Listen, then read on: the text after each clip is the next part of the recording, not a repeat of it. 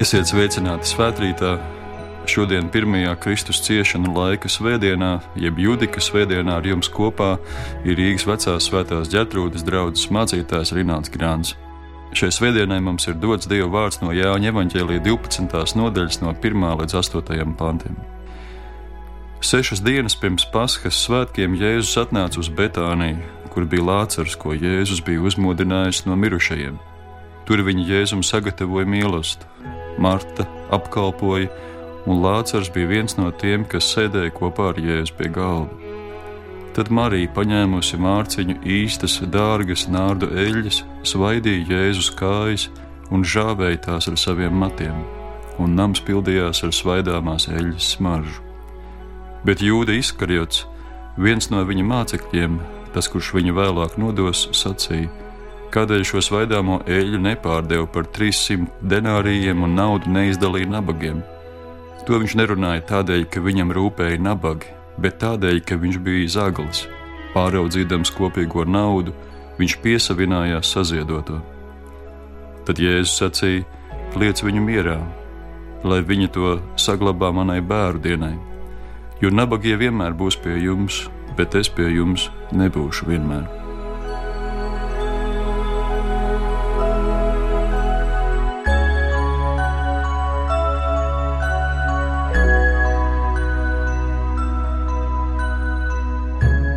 Tur, kur evanģēlīja notikumos piedalās Marija, Martas māsa, vienmēr kāds no klātesošajiem to izaicināts.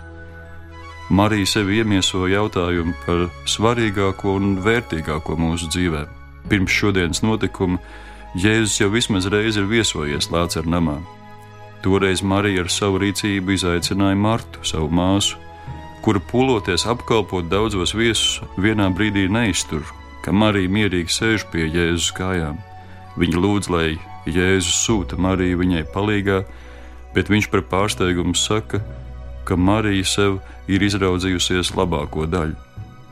Šodienas rakstu vietā Marija izaicina jūdu izkarjot. Marta atkal apkalpo, un Marija visticamāk atkal sēž pie Jēzus kājām. Vienā brīdī viņa paņem trauku ar ļoti dārgu, smaržīgu nārdu eļļu un izlai to uz Jēzus kājām.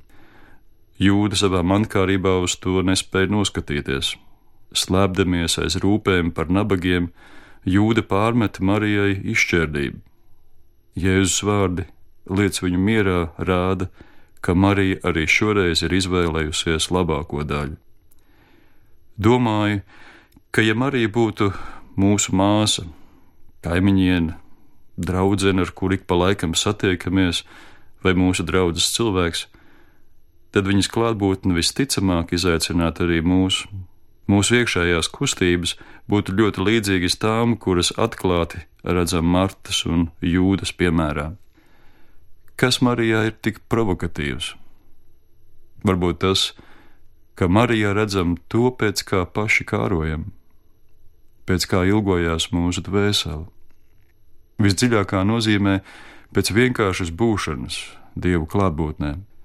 Marijas piemērā mēs ieraugam savas neizmantotās iespējas no Dieva saņemt, un neizmantotas iespējas vienmēr kaitina. Marija spēja saskatīt un palikt uzticama svarīgākajam. Tā viņa ierāda citu vietu tam, ko mēs vērtējam visaugstāk. Tas izaicina. Mums ir divas alternatīvas. Vai nu līdzīgi Martai, palikt uzticīgiem tam, kas jau esam, un sastopoties ar Marijas klātbūtni, piedzīvot skaudību un slāpes pēc kaut kā līdzīga, vai arī labāk Dievam sacīt, tu teici, ka Marija sev izvēlējusies labāko daļu. Viņā tu aicini arī mani izvēlēties labāko daļu. Es gribu mainīties, es gribu sevī vairāk atklāt un atbrīvot Mariju. Kā lai to darām? Viena iespēja līdzīgi Marijai būt uzmanīgiem pret savu sirdi, pret tajā notiekošo, sadzirdēt un atsaukties manas sirds ilgām, ja pat kāds mani var nesaprast. Marija riskēja ar to, ka viņu varēja nesaprast. Ielieciet sevi kāda mācekļa lomā šajā mīlestībā.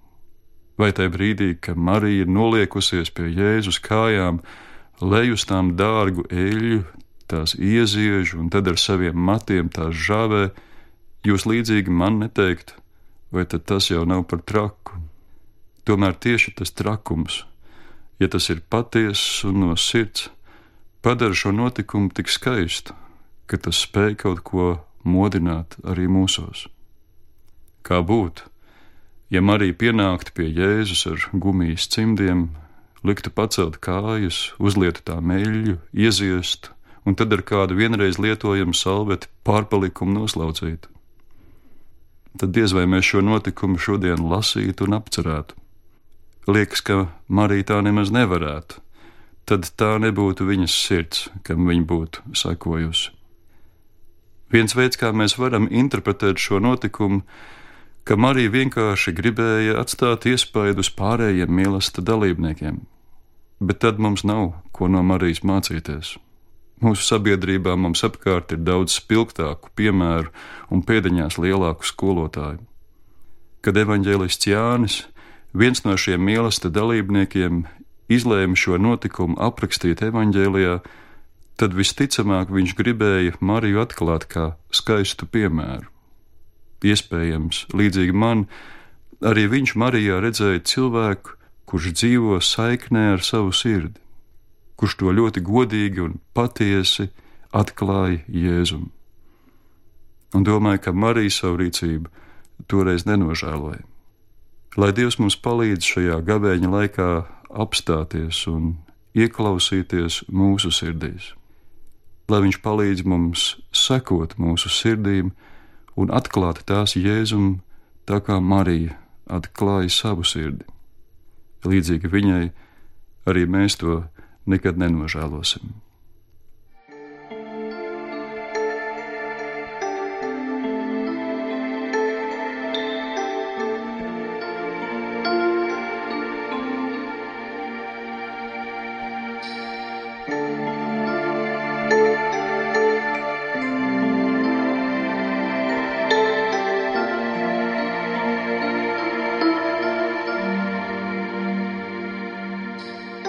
Lūksim, visu spēcīgais un mīļais Dievs, mēs pateicamies par daudziem cilvēkiem, kas mūsu ticības ceļā ir gājuši pa priekšu, par daudziem, ar kuriem tu atklāji gan izaicinājumus, gan šī ceļa skaistumu.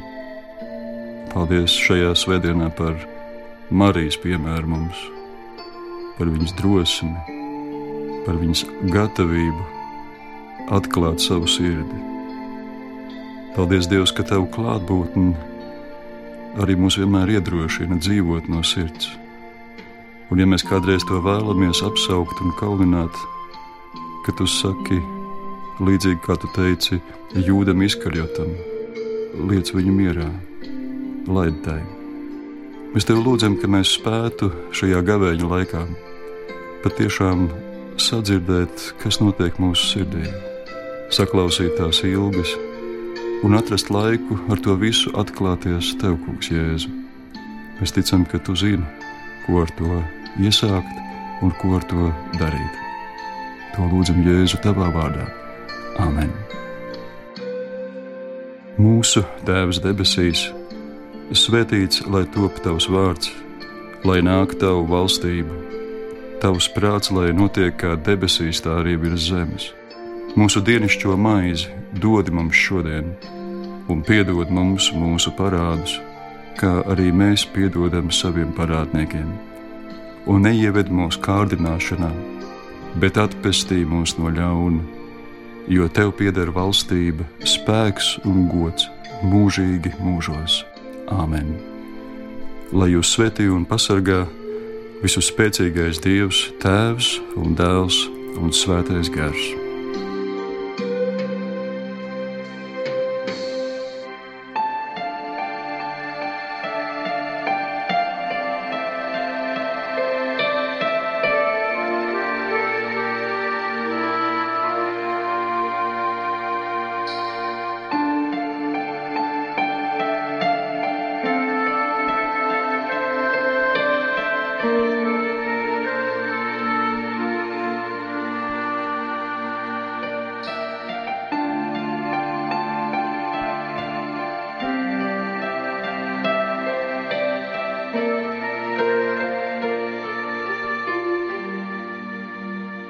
Ar jums šajā rītā bija kopā Rīgas vecās svētās ģērbtrūdas draudzes mācītājs Rinalds Grants.